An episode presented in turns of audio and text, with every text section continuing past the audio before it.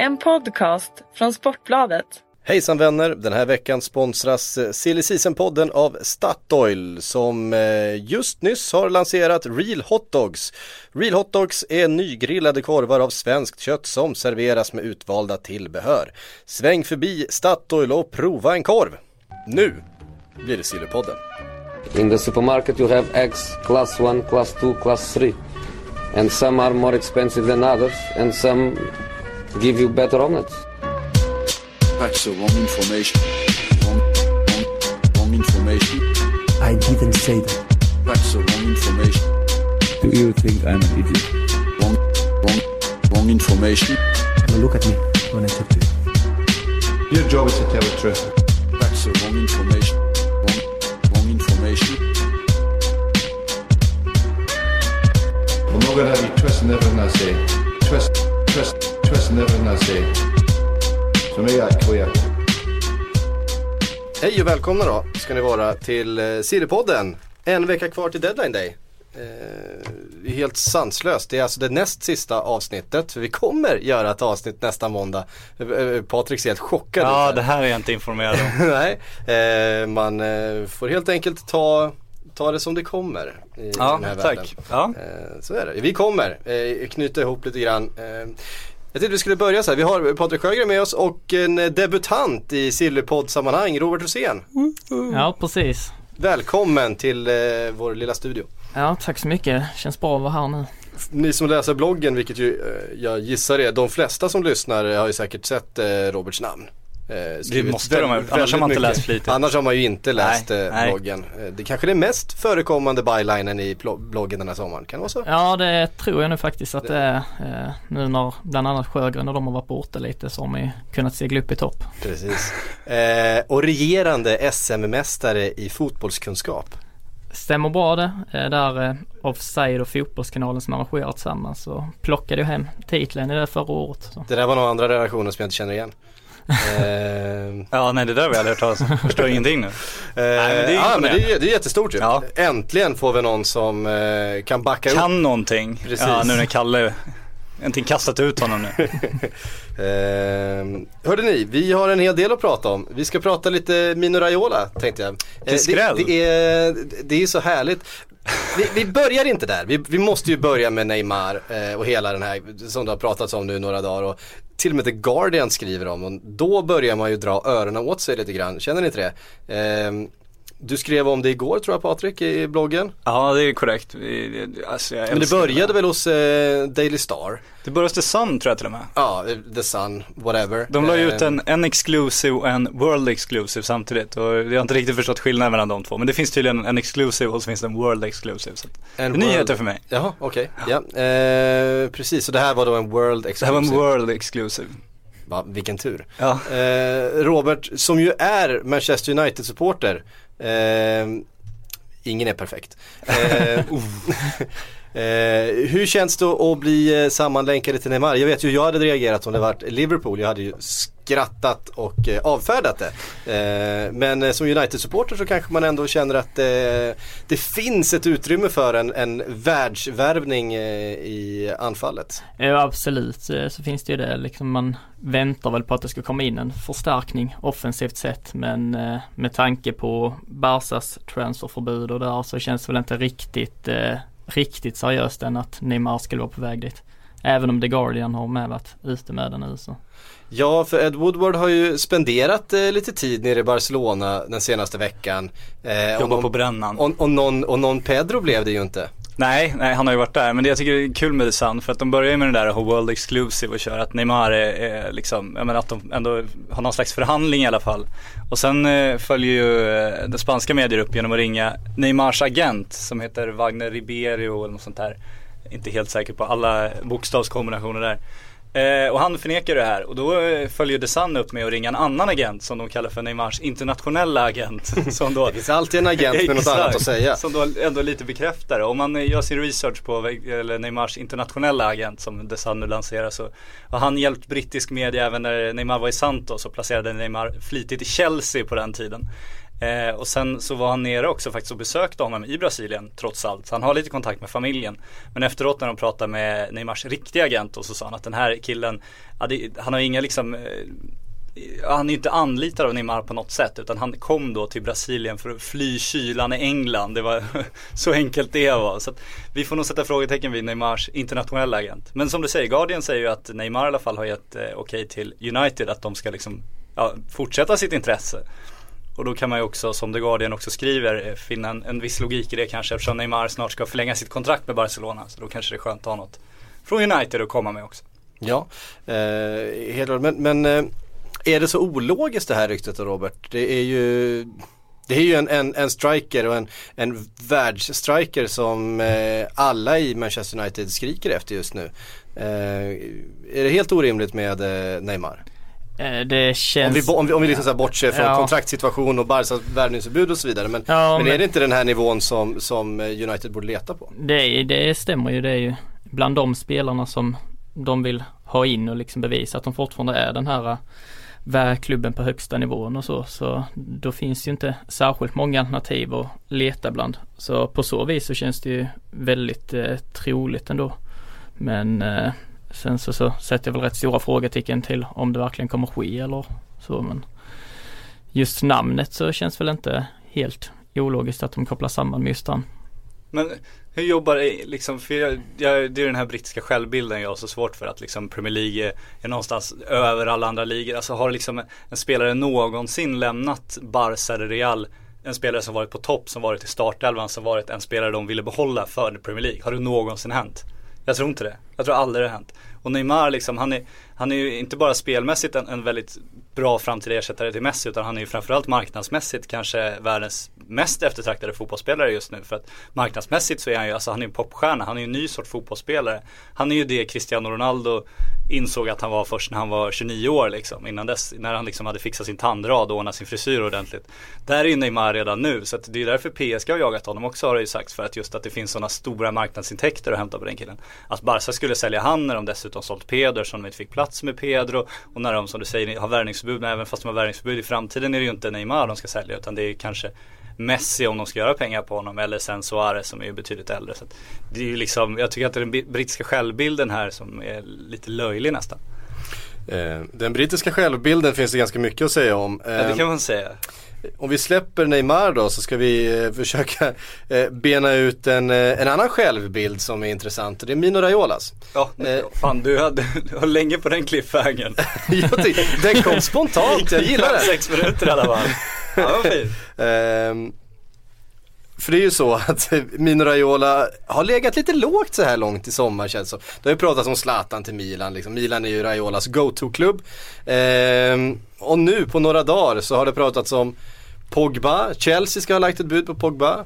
Eh, Mkhitaryan ska tydligen helt plötsligt befinna sig på marknaden igen. Och Balotelli, också Milan. Eh, precis som det pratades om Zlatan innan då. Det är liksom, på ett par dagar så har eh, Mino Raiola, jag vet inte, har han hittat sin telefon? Ja, någonting sånt. No, någonting, ensam där på kammaren. Någonting har ju hänt, eller så är det så att, eh, och det här är min teori då, att Zlatan-dealen nu på riktigt är, är död och han lägger inte mer tid på det utan då kan han lägga lite mer tid att, att jobba i sånt som han ligger lite efter med eh, så här långt under sommaren. Till exempel eh, en Mkhitaryan och en Balotelli och Pogba. Eh, Pogba borde väl i och för sig vara hans första prioritet nu för tiden för det är där hans framtida intäkter ligger. De ligger väl knappast hos Zlatan. Så, samtidigt behöver man kanske inte jobba fram Pogbas namn så mycket mer utan det, de pengarna kan han nog redan räkna hem även fast de kommer först nästa sommar som det ser ut. Men eh, Balotelli, det kommer väl bli Milan som det ser ut. De håller ju på att försöka, de kommer ju förmodligen vänta till sista dagen för att kräva så mycket som möjligt av Liverpool för att de ska betala liksom, ja, minst hälften av lönen då. Men, eh. ja, det, det räknas väl, det, det pratas väl om nu att, att Liverpool har gått med på liksom. Det är ju, ja, men, det är ju, det är ju en, det är en halv lön mindre för han kommer ju ändå inte spela för laget. Så är det, liksom. och det är ingen annan som kommer vilja ta honom och som har råd att ens de, betala så mycket. Och de slipper ha hans polare sovandes på parkeringen i Ferrarin. Jag vet inte om ni hörde de där, eh, om de här upp, uppgifterna. Nu kommer jag inte ihåg vad hans eh, kompis heter. Eh, som då ska vara eh, Balotelli, de lärde känna varandra i Inters akademi. Eh, det blev inte någon vidare fotbollsspelare till den här killen, jag kommer inte ihåg vad han heter men han ska tydligen ha hängt med Balotelli eh, på resan då genom, eh, genom livet och de ska vara helt oskiljaktiga. Eh, så till den gräns att de har fått porta killen från Merseyside, eller från, inte från Merseyside, från, från Melwood som träningsanläggningen heter. Eh, för han har varit där och hängt och Balotelli har släppt in honom eh, gång efter gång efter gång. Ja. Så att det har slutat med att, eh, ja under tiden som Mario tränar så sitter den här killen och sover i passagerarsätet på Balotellis Ferrari på parkeringen utanför. Så väntar på att han ska bli klar, sen kan de dra iväg och fortsätta med sitt ofog eh, som vi bara kan spekulera om och då och då. Det var också han som la ut den här bilden på eh, Balotelli när de firade födelsedag mitt i natten va. Eh, som kom ut här för eh, några veckor sedan. Men alltså det måste ju vara världens modernaste yrke det här för att när till och med Erton Feisolahu har liksom en polare anställd för att bara hänga med honom när han är i Kina så då, då finns det då gott om sådana men fan man hör väldigt lite om dem. De, de, deras story vill man ju höra. Ja, jag tror, jag tror på riktigt att eh, Liverpool-organisationen är lika trött på den här polaren som, som, har, som har dragit runt på Melwood nu i, i ett år som de är på Balotelli. Eh, så går i alla fall ryktena. Men eh, som sagt, Milan, Raiolas go-to-klubb. När han inte lyckats, med, lyckats knyta upp någonting annat kan han alltid sätta en spelare i Milan. Så är det men det finns ju också viss logik från Milans sida får man ju säga. För de skulle ju ha Zlatan. Det blev väl Luis Adriano och Carlos Bacca som anfallare. Alltså det är bra anfallare men de saknar fortfarande det där statementet som när Inter tog Kondogbia framför näsan på dem så fick de liksom en sån enorm prestigeförlust. Balotelli kan de ju fortfarande trots allt märkligt nog lansera som en stjärna när han kommer liksom. Och det kommer bli ett intresse och fansen kommer om inte bli glada så i alla fall lite intresserade. Det får man ju ändå säga. Man kan ju också tänka så här. Ehm, att eh, Milan släpper Balotelli, får ändå 100, ja nästan 200 miljoner. Eh, de, visserligen har de honom inte under ett år. Men de får tillbaka honom gratis för halva lönen. En lön som Mer än halva lönen. Mer än halva för att de, han har redan sänkt lönen. Så Han gick till, till Liverpool. Så att egentligen så, eh, så är det ju en superaffär för Milan. De har ju inte gjort någonting annat än att bara tjäna pengar där och sen få tillbaka spelaren för ett reapris. Eh, behöver inte betala någon övergångssumma. Och det är ju en, är en drömaffär. Genier. Ja. Det är så man ska göra. Så skicka sina dyra anfallare till Liverpool ett år och sen bara hämta hem dem igen. Eh, Säger de det psyk? ja, det så kan man göra. Ja. Eh, ja, de får gärna prestera lite bättre än Balotelli däremellan. Ja, ja. Eh, så är det ju. Men eh, Pogba då? Eh, Raiolas eh, framtida guldgosse får vi väl säga. Han är ju redan det. Det är bara att han ska göra den där stora övergången så att det klirrar till i den holländska pizzabagarkassan. eh, Jättebud från Chelsea pratades det om. Eh, de har varit i kontakter gällande Quadrado. Det verkar som den affären är mer eller mindre eh, i hamn. Eh, Quadrado till Juventus. Eh, det sägs också att Juventus har varit ute efter Oscar och att i den här förhandlingen då så ska Chelsea uttrycka sitt intresse för Pogba och väl försökt Eh, trixa till sig någon sorts fördel eh, när man ändå har affärer eh, med varandra eh, att göra. För Pogba är ju uppenbart en spelare som alla klubbar i världen eh, vill se, eh, om inte i år så kanske nästa år eller om två. Eh, vad ger ni för budet som det har pratats om då på Pogba? Det har ju pratats om allt från 120 miljoner pund och 70 miljoner pund. Det har florerat alla möjliga siffror. Vad ger ni för eh, de uppgifterna? Nej men jag eh, skulle väl säga att ett bud det känns väl rätt rimligt att det kanske ligger på en sån här 700 svenska eller något sånt där runt omkring. Jag tror inte det är riktigt uppe på de absolut högsta nivåerna som det pratas om där. Men eh, det är ju en bra summa pengar som Juventus plockar in på honom. Det är det. Helt klart. Eh, vart hamnar Pogba till slut? Eh, jag tror han går till Spanien. Jag tror att eh, Raiola har ändå vissa kontakter fortfarande med Barcelona där och det har ju pratats om att Pogba väntar in Barcelonas transferförbud och Barcelona har ju en, en föryngring att göra på mittfältet som ju kommer behöva börja nästa sommar någon gång. Arda Toran är ju en, ett nyförvärv men han är ju ingen junior som kommer Nej spela där är i sex år. 29 år gammal han också så alltså jag, jag skulle med sätta mina pengar på att det blir Barca. Att han åker dit efter att ha spelat EM med Frankrike på hemmaplan så. Och Real tog ju in Kovacic som ändå ska vara deras framtida ersättare till Modric till exempel. Så de har ju börjat en annan föryngring med andra spelare. Så känslan är att det, är Barca. Men då undrar man ju varför Chelsea, för jag tror också att det har kommit ett bud. Det tror jag också. Men då måste de också fått positiva signaler från Raiola om att Pogba är ändå lite intresserad. Mm. Eh, om man nu är klar för Barca eh, om ett år så är, känns det ju inte så. Men samtidigt så kan det vara bra för Raiola också att ha Chelsea i bakfickan när han ska förhandla med Barca. Det är ju alltid det där. Det gäller ju att komma med starka kort till det där bordet. Ja men så är det och, och Chelseas jobb här är ju inte att fortsätta vara en nivå under Barcelona och Real Madrid och Bayern München. Utan deras jobb är ju att gå upp på samma nivå och i allra bästa fall förbi. Eh, och det finns ju inte så många sätt man kan göra det på. Det finns ganska få spelare som, som faktiskt förbättrade Chelsea eh, idag och Pogba skulle väl kunna vara en. Definitivt. Eh, Ja det är klart de ska sån försöka. spelare. Absolut. Alla ska ju försöka. United ska ju också försöka. Så är det ju. Men eh, det känns som oddsen för att han går till Premier League igen inte är så jävla bra direkt. Och ett Chelsea som inte har spenderat sådär jättemycket pengar heller den senaste tiden eh, har ju djupa fickor, det vet vi ju. Eh, Och har blivit av med väldigt stora kostnader också. Ja, och Abramovic finns, finns kvar där och även om han har tappat lite när rubeln nu eh, sjunker eh, i världen så är det fortfarande en ganska välbärgad herre. Så att eh, ja, vi, vi, eh, vi räknar inte bort någonting. Ganska välbärgad herre. Det var dagens understatement tror jag. Ja, ehm, han, är, han är weak som vi säger hemma i Västervik. eh, Mkhitaryan då?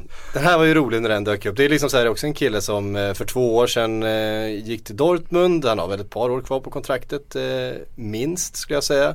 Eh, svårt att tänka mig att han skrev kortare än fyra år när han gick till Dortmund väl. Han skrev säkert fem. Ehm, helt plötsligt ska vara intresse för eh, Juventus och Liverpool igen som ju redan har köpt eh, offensiva mittfältare det här fönstret. Men eh, varför dyker det namnet upp helt plötsligt? Är det Raiola? Eh, Det kan ju vara Raiola men jag, samtidigt så känns det också som om det är brist på annat och pressen ska ha något att skriva om. Det, det, Dortmund måste ju sucka djupt så fort det här kommer om och om, om, om igen. För de har liksom hållit på att fäkta bort alla rykten kring alla spelare hela sommaren och nu när ligapremiären liksom är spelad så står de fortfarande med alla sina stjärnor och då pumpas det på igen. Så att Liverpool känns ju eh, fullständigt osannolikt att de skulle ta honom nu. Ja, nej. Så det, att kommer inte det hända. är svårt att se att han ska in där. Juventus ska ju ha Quadrado nu. Eh, de har ett ganska De jagar ju fortfarande Julian Draxler. det gör de Mm. eventuellt. Det känns som det har svalnat lite det intresset. De lyckas inte så bra där. I förhandlingen med Schalke. Så att de kanske ska ha någonting mer. Eh, återstår att se vem det blir. Ja, det är väl ett troligare eh, scenario än att eh, Mkhitaryan skulle helt plötsligt eh, dra till Liverpool som han ju inte ville gå till för två år sedan. Eh, Nej men alltså Liverpool känns väl bara som något som någon tidning bara dratt upp bara för att ha något att skriva om. Ja. Men eh, alltså Juventus och Dortmund tycker jag inte liksom att det känns så konstigt ändå. För det är ju som sagt med att Dortmund spelar Champions League och så alla stjärnorna är kvar och Juventus vill ha, de vill ju liksom ha in en tia så mm. det är inte så konstigt att det ryktas om var och varannan offensiv mittfältare i världen. Jag vill säga för det som, har- det som faktiskt har sagts är att Liverpool har fått ett bud accepterat på Mkhitaryan. Det är därför eh, vi överhuvudtaget tar upp det för att eh, själva som, som rykte så är det ju eh, nästan befängt. Men, men ryktet säger faktiskt att Liverpool har fått ett bud accepterat på 15 miljoner eh, pund. Ja, ja det tror man ju på så, så mycket. Men jag har svårt att se att han skulle välja Liverpool också. Det känns eh, konstigt. Men Juventus blir intressant också eftersom de ska släppa Kingsley Coman nu, vad det verkar, till Mm. Bayern München. Eh, både italiensk och fransk media är tämligen övertygade om att det blir så. Eh, så att de har ju fortfarande luckor att fylla i så fall för då kommer ju Quadrado in eventuellt som en ersättare då till Coman och sen då är ju fortfarande den här tian ledig. Precis. Ehm, Arsenal. Eh, har det ju inte Ska vi prata Benzema nu, vad roligt. Nej det ska vi Nej, absolut inte göra. Åh. Eh, ska vi nämna det bara Ja, kan vi, förresten? inte göra vi det? måste ju Det prata om, tradition. om eh, Det är tradition. Vi måste ju eh, prata om galningen på Twitter där. Nu har jag inte Ja. skrivit upp vad han, eh, vad han heter men ni kan säkert eh, Kan gå in i bloggen om inte annars, söka lite. Eh, I precis. historiken. Eh, att eh, det var en person där som, han var så säker på att Benzema inte skulle till eh, Arsenal att han, han lovar att om det sker så ska han tatuera in Sportbladet-logon i svanken, en eh, tramp stamp eh, med Sportbladet-logon. Eh, och det ser vi fram emot. Det så ser att vi nu, fram emot. nu eh, håller vi alla tummar för att det faktiskt blir Benzema till eh, Måste ju ta fram namnet här så vi riktigt hänger ut honom också. Så att han eh, är välkommen till vår deadline day-sändning sen och Så, så är det, det, det, det, kan jag, det, live. det kan jag lova redan nu. Att är det så att Benzema eh, går så kommer vi ha en tatuerare på plats i studion. Eh, vi kommer eh, köra hit honom, bussa hit honom, flyga hit honom, eh, hur det än är eh, och ha honom på plats i studion och bevittna den här eh, tatueringen. Ja, eh, det är alltså Griffin heter den på, eh, på Twitter. At GriffinAlex14 eh, skickade det här meddelandet från Kalmar så vi kan väl anta att Alex bor i Kalmar. Så eh, välkommen till studion Alex. Om det händer, vilket det inte kommer göra. Men eh, nu hoppas jag ju mer än någonsin att det ska hända. Ja, verkligen. Ja, Eh, det vore ju helt fantastiskt. Eh, men det kommer förstås inte hända. Nu har ju även Benzemas agent varit ute och sagt att det är tusen procent säkert att Benzema är kvar i Real Madrid när den här sommaren är slut. Ja men det spännande är ju att även Bildt nu och, och brittisk media, alltså de hugger på allt som finns kring Benzema. Det finns ett, en italiensk journalist där han liksom, han, han verkar vara frilans och gjort lite instick för Fifa Weekly och sådär.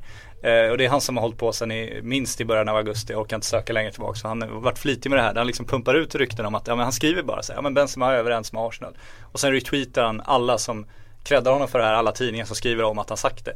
Och så bara, imorgon blir han klar och på tisdag ska han läkarundersöknas. Så nu är de överens om lönen. Så han har hållit på så här hela augusti nu och kört på liksom. De har ett, de har ett eh, flygplan abonnerat Ja. speciellt som bara står parkerat för att bara hämta Benzema när det är dags. De, de väntar sa ett flygplan han. För sen när de medierna tog upp det och creddade honom då skrev han så här då tog han bort den och så skrev han nu, ja, eh, jag, är inte helt, jag har inte fått uppgifterna bekräftade men som jag skrev, de väntar sa, men fan vänta sa ett flygplan. Ja, briljant. Ja. Eh, Men en tramp stamp i studion, det vore ju väldigt trevligt faktiskt. Verkligen. Ehm, Slår KK som Vincent Tan alla dagar i veckan. ja. Till och med Erik Niva som William som vi inte fick se. Ja, det, det var tragiskt faktiskt. Det var lite synd. Eh, men Arsenal däremot, det var ju inte Benzema jag tänkte plocka upp här utan Lars Bender. Eh, en kanske lite mer troligare affär. Det kan man säga. Eh, är det en spelare som eh, Arsenal behöver? Behöver, behöver tycker jag väl inte direkt att de gör men eh, visst alltså det är ändå en spelare som höjer dem ett snäpp om man tänker för enligt eh, de här uppgifterna då så ska han ju ersätta Flamini. Så det blir ju ändå liksom en Det förstärkning för- i det- truppen Ja, som det så en men, uppgradering. men eh, sen så, så vet jag inte riktigt om han går in och förstärker laget som så. För det känns väl ändå lite tveksamt om man går in och tar en direkt. Alltså det är inte givet att han tar en plats i startelvan. Då ska han ju peta Coquelin som ju har varit eh, väldigt bra. Och, och ett, ett framtidsnamn och en Wenger-kille inte minst. Det är viktigt. Ja men det känns som ben, Bender om han kommer då kommer han liksom glida in i någon slags Kim Källströms gamla kärra där. Ungefär det mottagandet kommer han väl få. Med tanke på att folk hoppas på Benzema. Så att, Ja. men en nyttig spelare men det om, det, om det är Wengers deadline day överraskning då, då blir det återigen lite Kim-vibbar tror jag. Lite så va. Eh, Say hello to a new era of mental health care. Cerebral is here to help you achieve your mental wellness goals with professional therapy and medication management support. 100% online. You'll experience the all new Cerebral Way, an innovative approach to mental wellness designed around you. You'll get a personalized treatment plan from a therapist, prescriber, or both in a safe and judgment free space. Your Cerebral therapist or prescriber will outline a customized plan with clear milestones along the way so you can get to feeling your best. With Cerebral, you're not alone in your mental health journey. We're here to empower you to live a fulfilling life. So take that first step towards a brighter future and sign up today at cerebral.com slash podcast and use code ACAST to get 15% off your first month. Offer only valid on monthly plans. Other exclusions may apply. Offer ends July 31st, 2024. See site for details. ehm, Berahino då? Mycket spelare på B. Ja, Jag vet inte vad, ja så är det i alla fall. Ehm, Balotelli, Bender, eh, Benzema, Benzema, Berahino. Eh, det börjar, börjar bra. Eh, där. Berahino jagas av 15 klubbar enligt Tony Pulis. Eh, varav vi tror väl att Spurs i alla fall är en utav kan dem. vara en eventuellt. En av de 15. Kan- Kanske eh, eh, Spurs, Spurs, Spurs, Spurs, Spurs, Spurs, Spurs, Spurs, eventuellt Spurs och kanske Everton också. Ja, Eh, nej men det är så, eh, Spurs ska ha lagt ett bud på, de har höjt sitt tidigare bud och ska ha lagt ett bud på 290 miljoner. Det är mycket pengar eh, för Saido. Eh, det blir väl Spurs till slut för Spurs, han fanns inte med, han Spurs, fanns, fanns, Spurs. fanns inte med i laget i helgen eh, för West Brom. Men det berodde väl också på en personlig tragedi va, var det inte så? Var det så? Ja, eller är jag helt fel ute nu? Eh, Nu ska jag dubbelkolla det här men jag tror att det, det var en, en familjetragedi som också var in, inblandad där. Om jag inte tänker på en annan kille nu. Men jag dubbelkollar det. Dubbelkolla det. Eh, jag noterade i alla fall att han inte var med mot Chelsea. Eh, jag eh, har inte läst om några egentliga orsaker utan i min värld så var det ju, i min sillehjärna så var det ju förstås att ehm, som det brukar heta, han är lite, han är lite ur gängorna just nu. Det är så mycket rykten om honom så att Manager väljer att hålla honom utanför startelvan. Eh, men eh, det är väl ganska tydligt att han inte blir kvar i West Bromwich. Eh, ja men det känns väl som att det blir klart i den här veckan. Alltså jag tror inte de väntar ända till deadline day utan det här ryktet nu där om de 290 miljonerna det var ju, det skulle ju läggas nu inom de kommande 48 timmarna eller vad det var då när nyheten publicerades igår kväll eller i morse eller vad det var. Så eh, det känns väl rätt så troligt. Jag såg Tottenham hade ju förhoppningar om att han skulle vara klar till helgens möte med Everton då. Mm. Och det, även om man kanske inte spelar då så känns det väl rätt så troligt att eh, övergången hinner gå igenom. Eh, sen ja. Det sägs att eh, West Brom vill eh, ha 330 ja, något sånt ja en bit över 330. Eh, så det är väl inte, det är väl, vi får väl se vad, vad prislappen hamnar på till slut där. Vem som, vem som ger sig först, det är lite chicken race i de här situationerna. Eh, men 290 miljoner då är vi väl rätt nära. Ja, det, det känns väl som att West Brom accepterar det. här. 300 miljoner är ju ruskigt mycket pengar för dem så eh, det, det, Det tror jag, det tror jag nog de är nöjda med. Ja, jo men eh, väl kanske lite mer om West Brom får in 300 miljoner än om City skulle få in 300 miljoner om man säger som så. Så är det ju. Um, Berahino som sagt, eh, en spelare och det här, är, det här är mitt favoritrykte för den här sändningen. Pato till United. Den är briljant ju. Ja, eh, det var du som skrev den va? Ja, jag såg det var Telegraph som hade varit ute och skrivit det, var, om det, var i, det var i bloggen jag såg det, jag har inte sett det någon annanstans. Det, var, det var Telegraph som sagt. Jajamän. De hade ju påstått här att United har blivit erbjudna Benz, eller Patu till den nätta summan av 11 miljoner pund. Var han dyr fortfarande?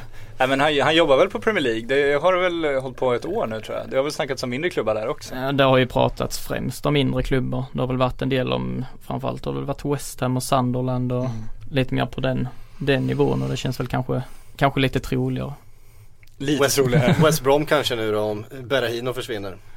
Ja, sätt han i Stoke. Annars gör väl alla vi, till Stoke. vi, vi får väl lägga ett pussel här. Ja, jo exakt. Och det får vi göra som vanligt. Vi gillar våra pussel. Ja, absolut. Ja, nej men frågan är väl om någon verkligen vill ha Pat och det verkar ju inte riktigt så med tanke på att det inte, han ändå, det känns som att han egentligen har jobbat på det här något år för att få honom till England för att de vill få upp hans marknadsvärde igen också förmodligen.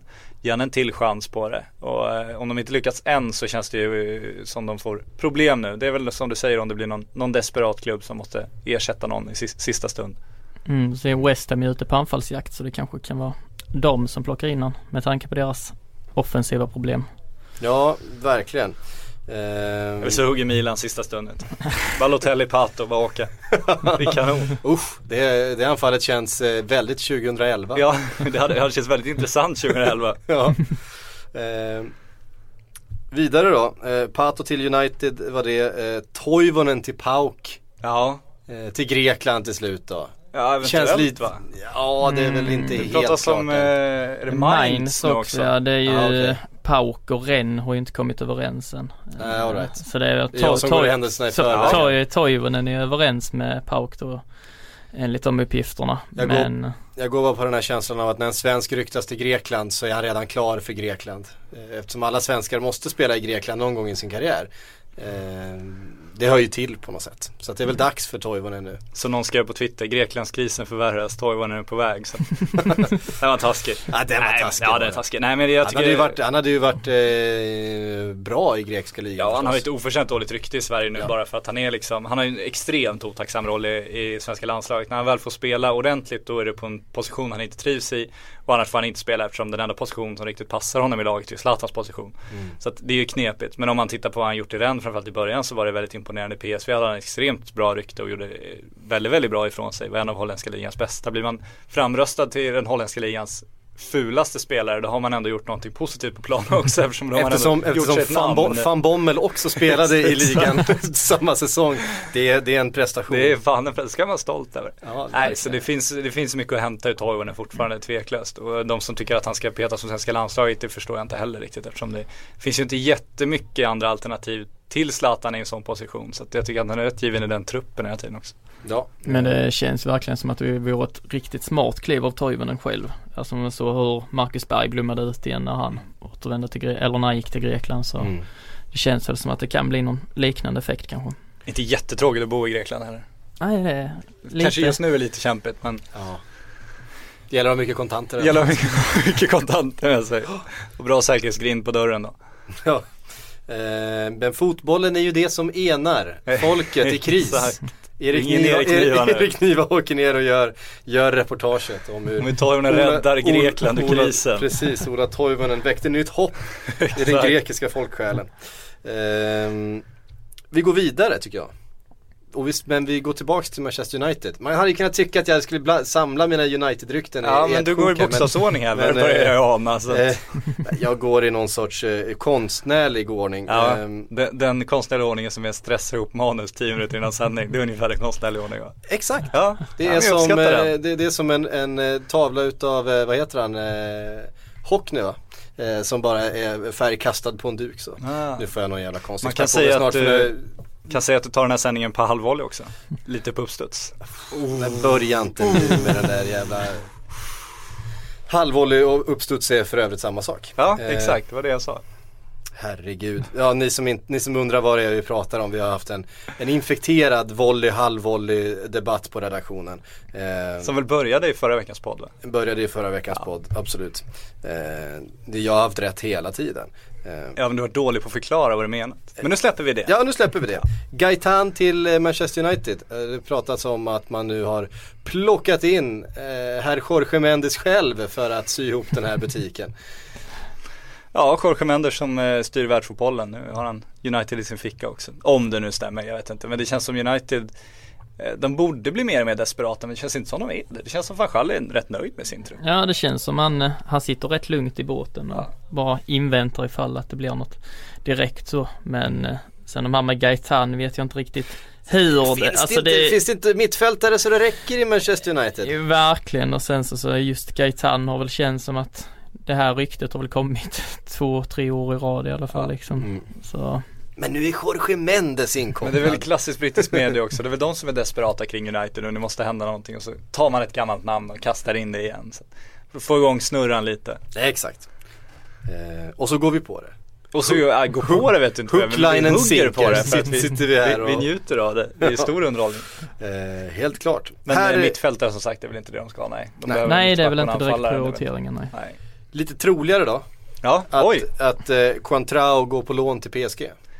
Ja om det nu är lån, det pratas om en eh, försäljning nu. Eh, till och med. För Lukas Ding eh, har lämnat. Ja och de försökte få Kursa eh, Monaco backen som gjorde den här fina saluten i franska u som vår, vårt u sen gjorde till sin så vi får tacka honom lite för det guldet tror jag för det enade ju ändå trupperna det måste man ju säga. Så att, Ja, eh, han är en, en, en eh, svensk folkhjälte. Ta Kursa till Kungsan för fan.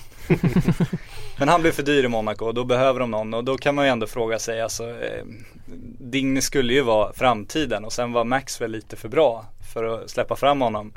Eh, och så tar de in Contrao då istället. Det vore ju eh, extremt intressant faktiskt. Ja det, det känns ju lite märkligt så men eh, jag såg där någonting på Twitter. Det var väl det här att det är ju en del av PSGs eh, förändring nu att gå från ett Raiola-lag till att bli ett Jorge Mendes-lag. Ja, men så det är ju därför igen, de plockar ja. in eh, Contrao där så att de kunde fortsätta den här eh, förändringen med Han hans fasar ut klienter. Raiola alltså.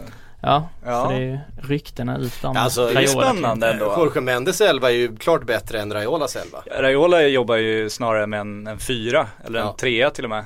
Eller en tvåa snart. Så att, men det är spännande vad som händer med Raiolas. För han var ju ändå den när Zlatan var på toppen som ändå drog i ganska många trådar i världsfotbollen. Eh, nu helt plötsligt så eh, när Cristiano Ronaldo är på toppen så är det Jorge Mendes alla jobbar med för att han också har dragit ett rätt bra stall bakom Ronaldo. Men eh, intressant om Raiola liksom eh, fasas ut och börjar bli lite desperat och ändå sitter på Pogba fortfarande. Då kan det bli åka av i den där sillvärlden alltså. Mm. Helt klart. Eh, Det var någon som hade satt ihop en eh, Jorge Mendes 11, eh, någon redaktion där jag såg i sociala medier. Den såg ju helt okej ut.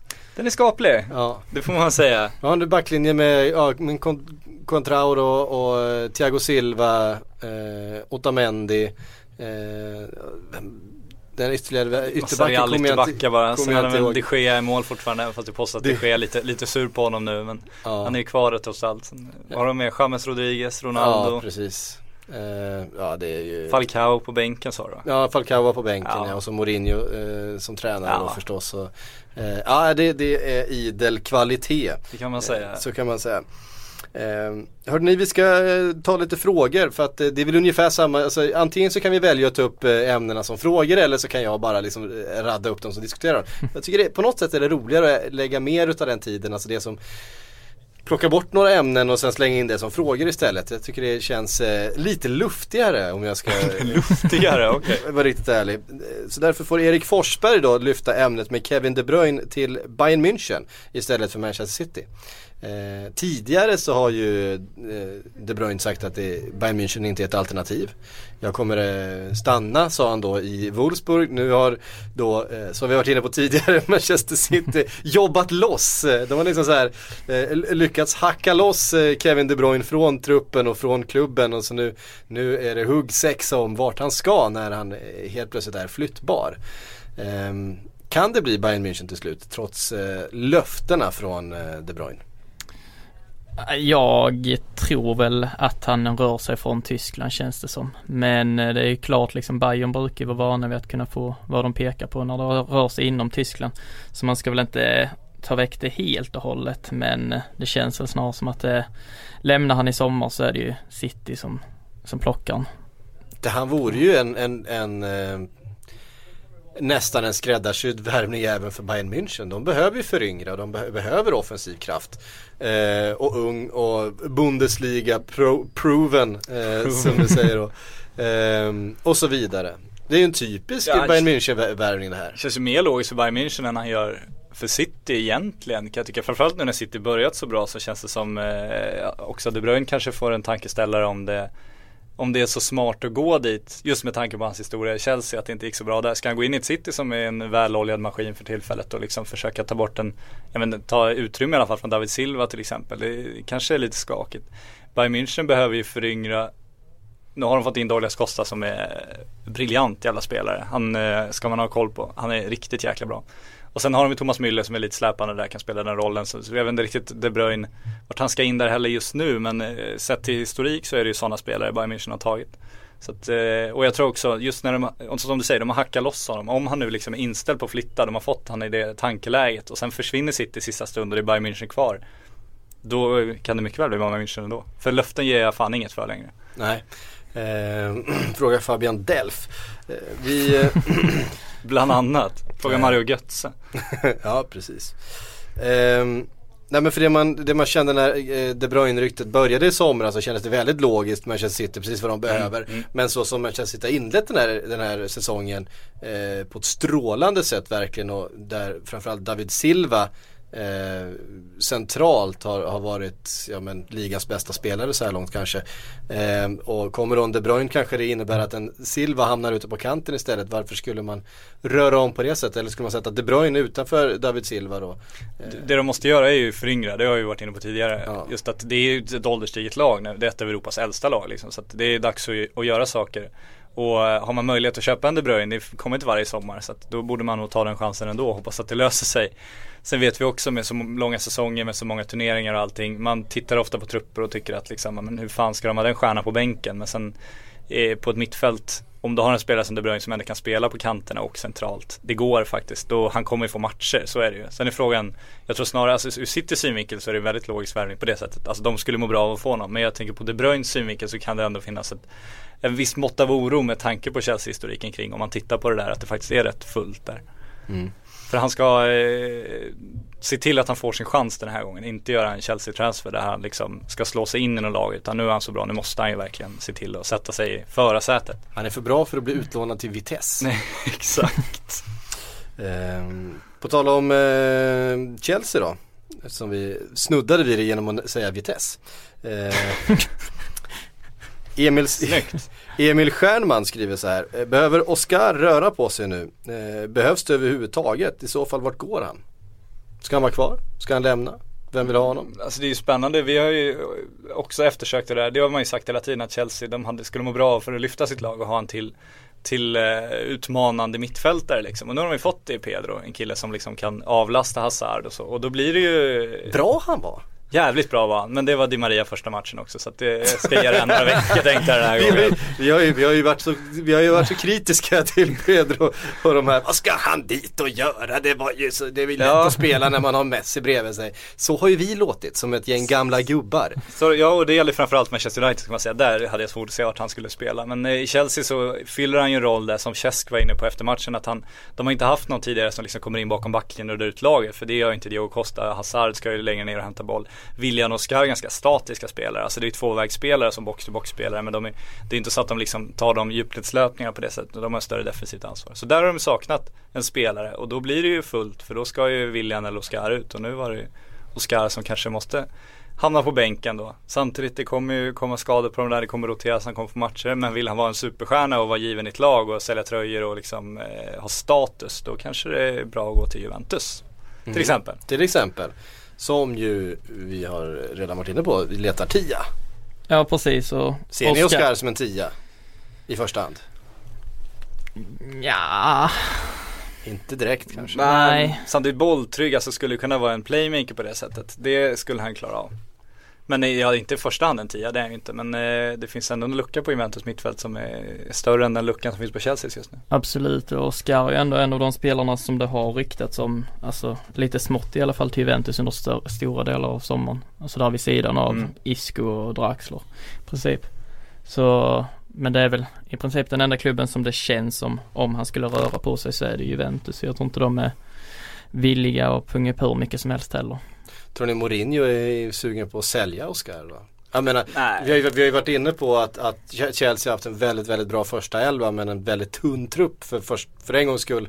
Eh, så har man lite djup på, på mittfältet och även på det offensiva mittfältet. Ja och för en gång skulle han liksom förstärkt uppifrån istället för nerifrån. Han har köpt en startspelare så att det hamnar en bra spelare på bänken istället för att försöka hitta en bra spelare och sätta honom på bänken direkt. För att det är svårt att spela sig in ett lag, alltså från bänken. Quadrado skulle försöka, De Bruyne skulle försöka.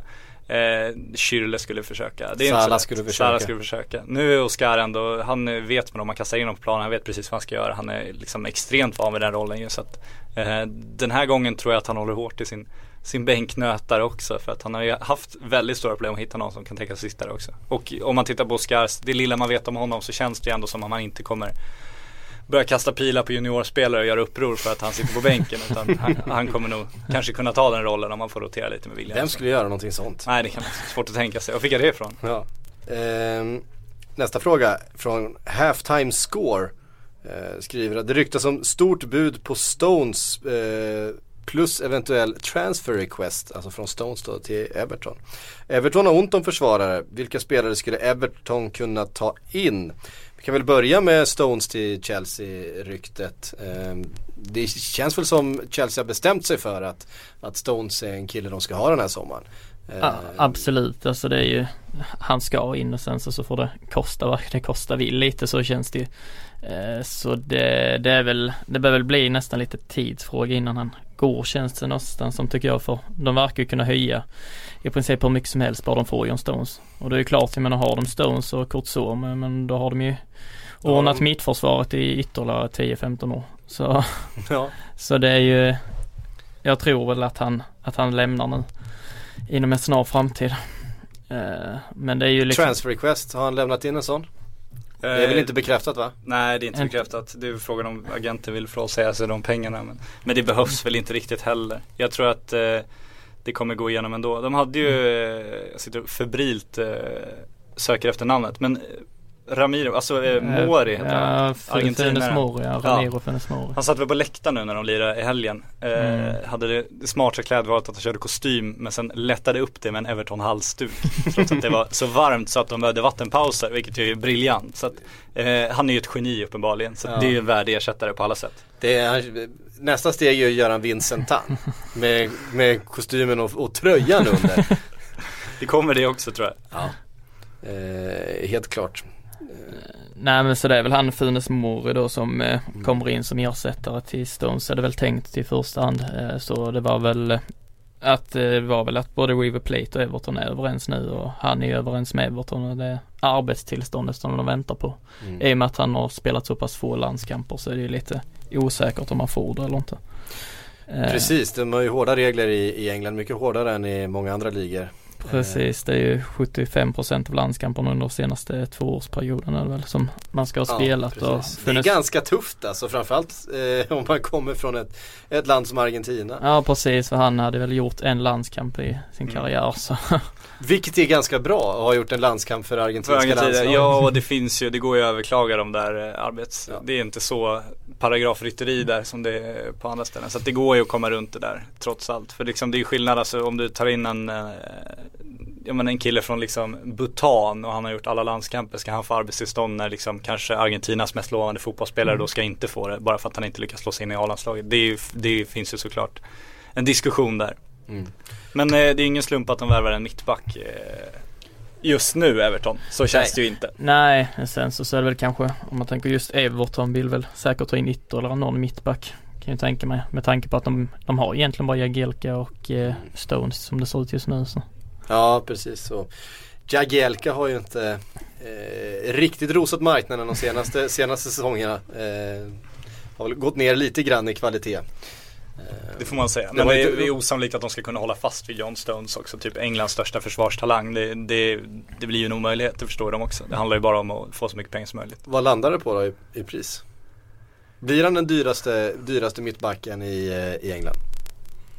Det är väl fortfarande eftersom, Rio- eftersom fortfarande Rio Otamendi för, ändå var uppe och flörtade med det där så måste det ju väl nästan bli så kan man tycka. Ja, jag tror nog att det, att det hamnar över där. Jag vet inte exakt liksom vad summan var på Ferdinand men alltså det är ju ändå en runt omkring 400 miljoner. Eh, och eh, John Stones kan nu komma att gå över på det, eller på lite mer. Men jag tror inte att det, jag tror inte det kryper över halvmiljarden men det är tillräckligt för att han ska bli dyrast känns det som. Det är otroliga pengar alltså.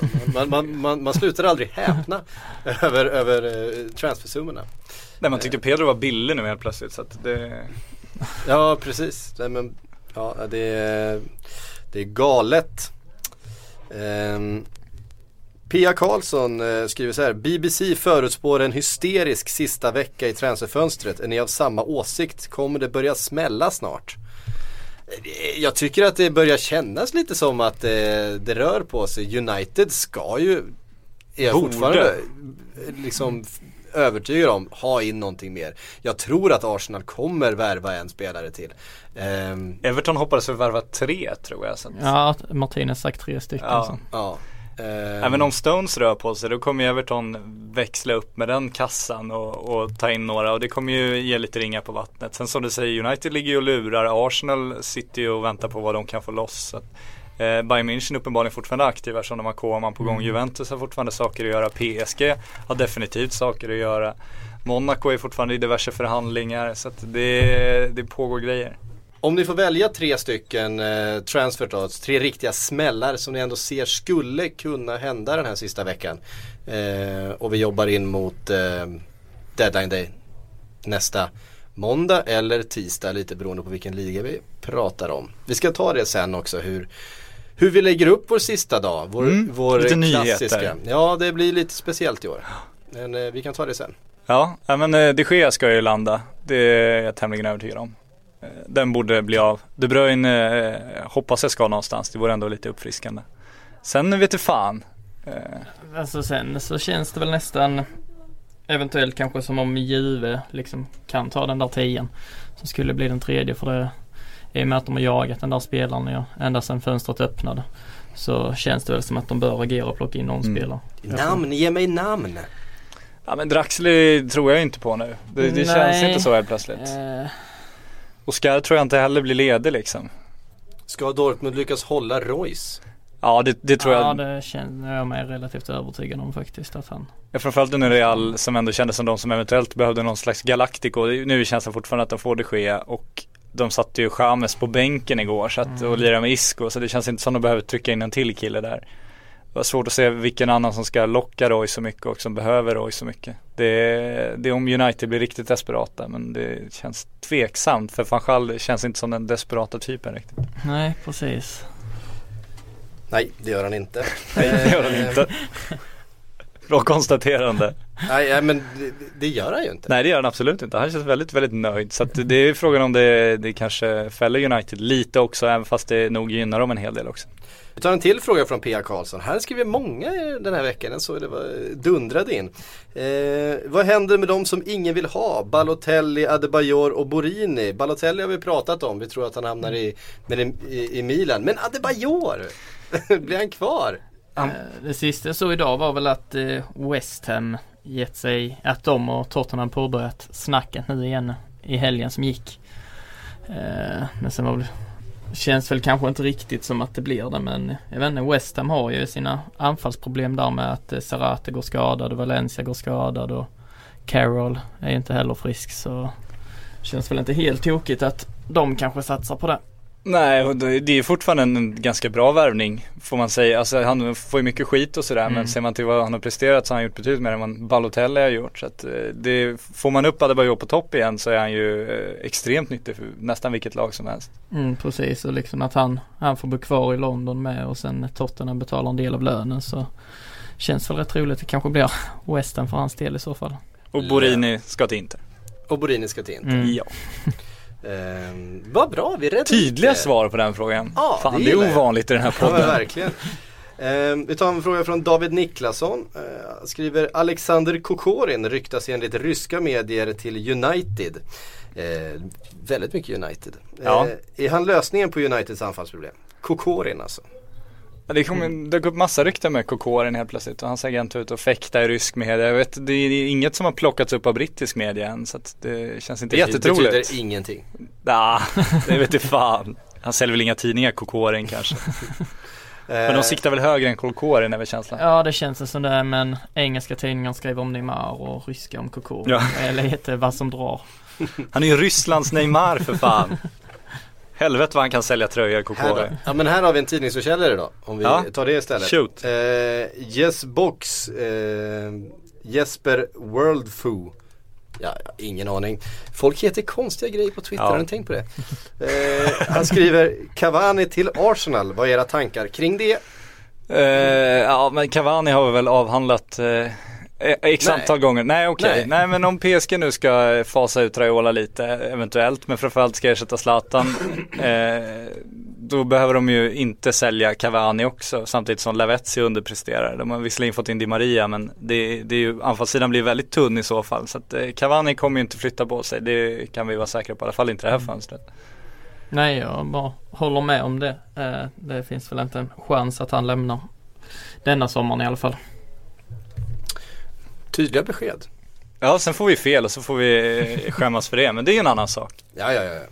Ehm, Men Arsenal rycker ju, det, det är ju alla anfallsnamn man kan hitta som ryktas dit nu för att det, det finns en uppenbar lucka där så är det ju. Jo men så är det ju. Det är lätt för brittiska medier att bara placera ut ett namn, plocka det och sen blir det ett stort rykte av det. För alla vet att, att det är någonstans de behöver förstärka så är det ju liksom anfallet. Så det är tacksamt att placera rykten då. ja.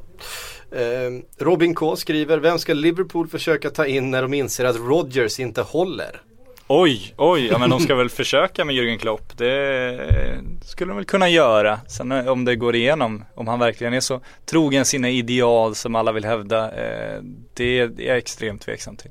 Men det känns väl som ett namn om man ska titta på lediga Måste namn. man så är vara ganska- trogen till sina ideal för att gå till Liverpool? Ja men på ett sätt, ja men det pratas ju Nu blir jag Han har, provocerad. ja, ja, ja, men han har ju liksom målats ut som den här fotbollens riddare som inte vill gå till de här stora pengaklubbarna och som, som liksom vill vara en underdog och slå underifrån, uh, utmana etablissemanget och skit. Bara för att han liksom var i Dortmund och var dit han kom och det var, det, det var den rollen han fick spela Och det gjorde han ju väldigt bra men det var ju också ett sätt tror jag att få, få samman gruppen just. Det är samma AIK, jag jobbar med den i alla år liksom. Det är vi mot världen. Det är ett väldigt effektivt gruppdynamikbyggarsätt liksom.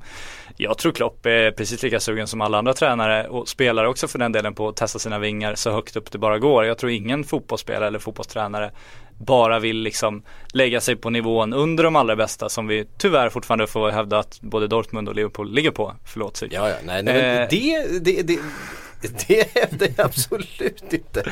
Men, det Men jag tror han vill upp på den översta hyllan han också och testa sina vingar.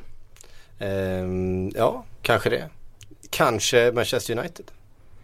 Ja, För det pratades det ju också om ungefär lika mycket att han var Manchester United-supporter i, i grunden och, och sådär. Så vi får väl Men det, det kan nu komma att bli en liten dragkamp mellan några engelska klubbar angående Klopp eventuellt.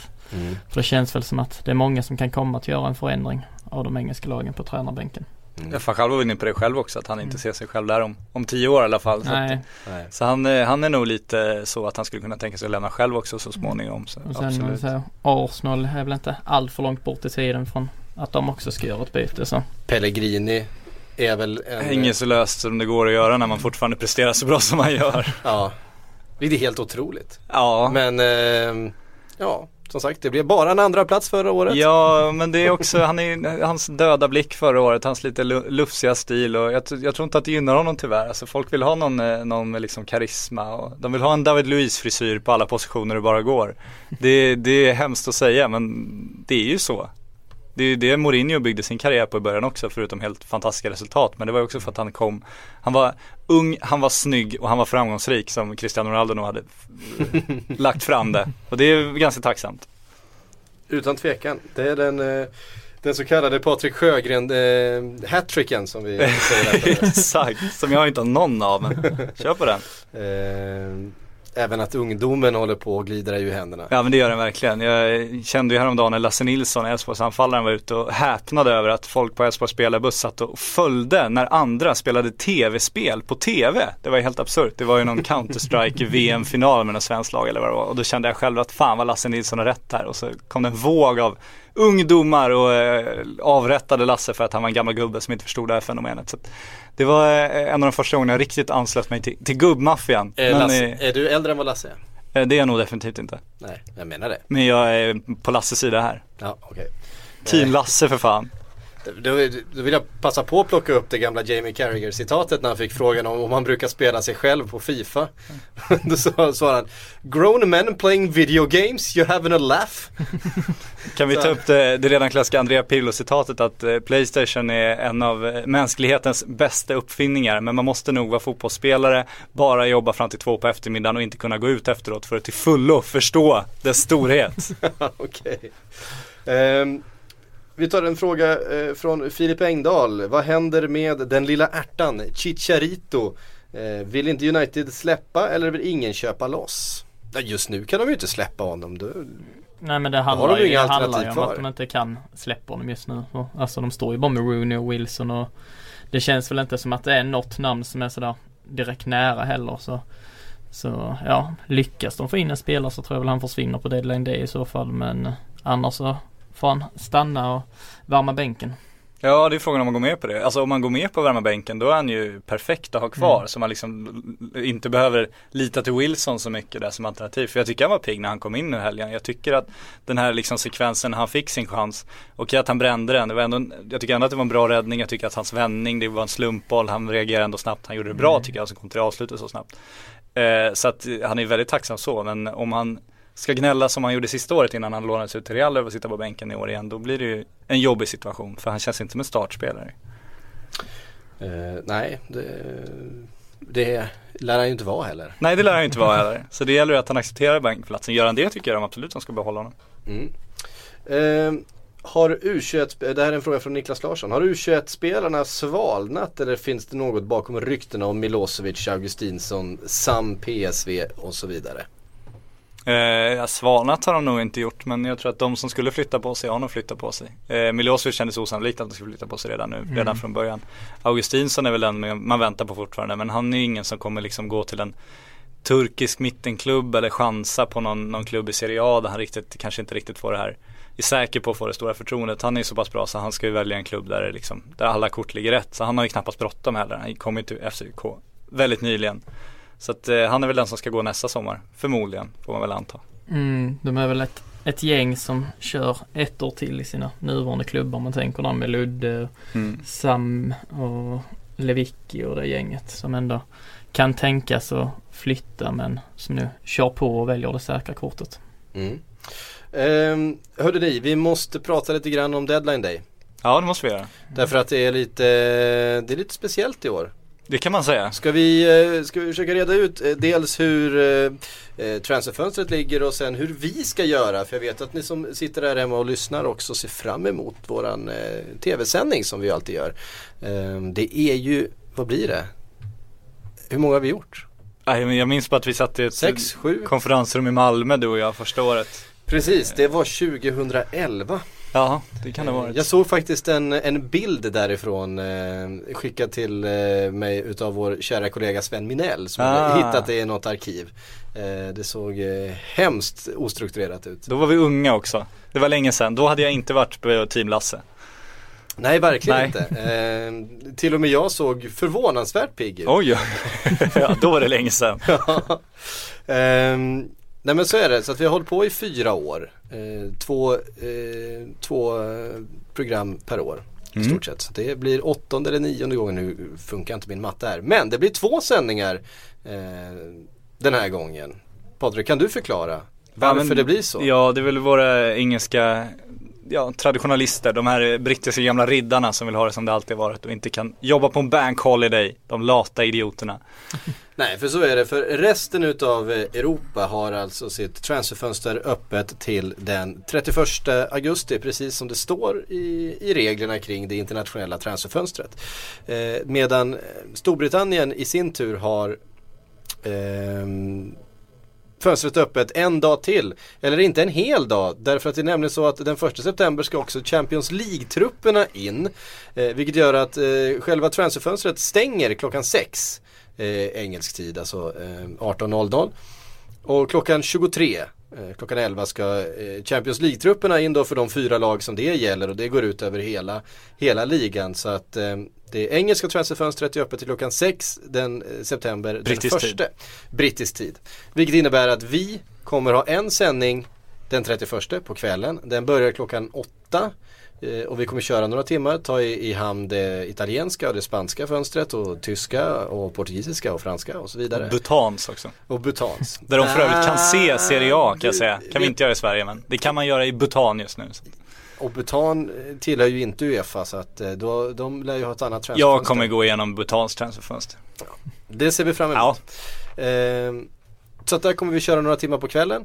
Sen eh, sparkar vi igång tidigt på morgonen. Eller tidigt, klockan nio på det morgonen. är tidigt på morgonen vill jag hävda. Mm, Ja. det, eftersom du kommer sitta med under måndagskvällen Exakt, också därför är det och, och sända och kommer vara där klockan nio på morgonen och sända eh, dagen efter. Eh, allt för konsten. Så eh, kör vi från klockan nio till klockan 19.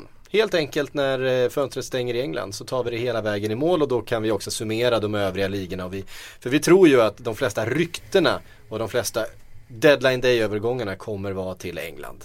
Det brukar vara så. Så brukar det alltid vara. Eh, men vi eh, håller höjd för att det händer även andra saker i Europa. Eh, så att därför kör vi även på måndagskvällen. Hoppas alla är med på det och är med oss från eh, måndag klockan åtta när vi drar igång. Och sen hela vägen då till tisdag klockan 19. Det blir inte mycket skolarbete gjort den dagen. Nej, jag vet inte, det var väl Erik Niva som var lite orolig för det förra året, vad vi egentligen gör med den, det svenska utbildningsväsendet. Men det är inte vårt ansvar. Det är inte, det är inte vårt problem. Nej, men fall. man kan redan nu lansera för sin lärare att, eh, ja, tisdag där då, eh, Ja, då blir det inte mycket gjort. Ja, är det så att man känner sig lite krasslig i halsen just den dagen så, så, så finns det ytterligare incitament att stanna hemma i sängen. Ja, det är viktigt att känna efter hur man känner sig rent fysiskt sådär. Att Ja, man inte man ska- går till skolan när man, är, när in- man är krasslig för då, eller ska jobbet för den delen, för då kan man smitta inte, andra också. Man ska inte slarva med hälsan. Det gäller att vila. Vi uppmuntrar inte skolk, det är vi absolut inte, men sjukdom är svårt att undvika. Ja men det måste man ta på allvar. Ja, det måste man ta på det allvar. måste man är ta på allvar. Så så är det. Vi kommer i vanlig ordning ha Instagram-tävling. Man kommer kunna vinna fotbollströjor och man kommer kunna delta på olika sätt. Vi ska försöka att lansera också en mem-tävling. Eh, men vi vill ju gärna att ni tar kort på er själva när ni, när ni tittar på våra sändningar eh, och skickar till oss och så kan man vinna då en, eh, en, en, tröja av något slag. Vi avslöjar väl senare i veckan vilka tröjor det är som man kan vinna i år. Eh, men vi ska väl också ha en mem-tävling. Det var någon som började göra eh, Deadline Day, alltså Sillybladet memes. Eh, till exempel Erik Niva som kastar godis på Patrik eller någonting annat Härliga klassiskt. traditioner. Ja, så vi kommer ha ett specialpris för bästa mem också. Eh, det blir roligt, det ser vi fram emot. Eh, Robert, tack för att du eh, kom hit idag. Det var nog inte sista gången. Eh, det blir säkert fler Sillypoddar för dig i framtiden. Eh, Vi hoppas på. Ja, eh, dig kanske man kan åter, återfinna i chatten också nästa vecka. Det kommer man kunna göra. Ja, härligt. Håller Vi chattar. där. Ja, Drar vi, vi drar igång chatten eh, på kvällen den 31 och sen så kör vi den eh, hela vägen fram tills eh, ja, någon timme efter det har stängt på tisdagskvällen. Så bör det vara. Det här vet jag inte om det är förankrat hos våra chefer men nu är det så. Nu är det så. Nu är det så. Jo men visst är det så. Ja, nu är det så. Herregud. Eh, PO får, får gnälla lite i efterhand. Hej PO förresten, jag Ja. vet att du lyssnar. Trogen lyssnare. Eh, någon absolut. löprunda ute i Trångsundet. Väldigt internt nu, men det är så det är. Ja, så är det. Eh, hörde ni, tack för att ni har lyssnat. Vi är tillbaks nästa måndag. Då gör vi ett avsnitt av Silverpodden på dagen. Då är det deadline day, deadline day podd. Eh, på dagen den 31 och sen så är det sändning på kvällen och sen så kör vi från 9 till 19 på tisdagen. No rest for the wicked. Så är det. I think I worked for 16 years here in England, and I deserve a bit more credit than wrong information.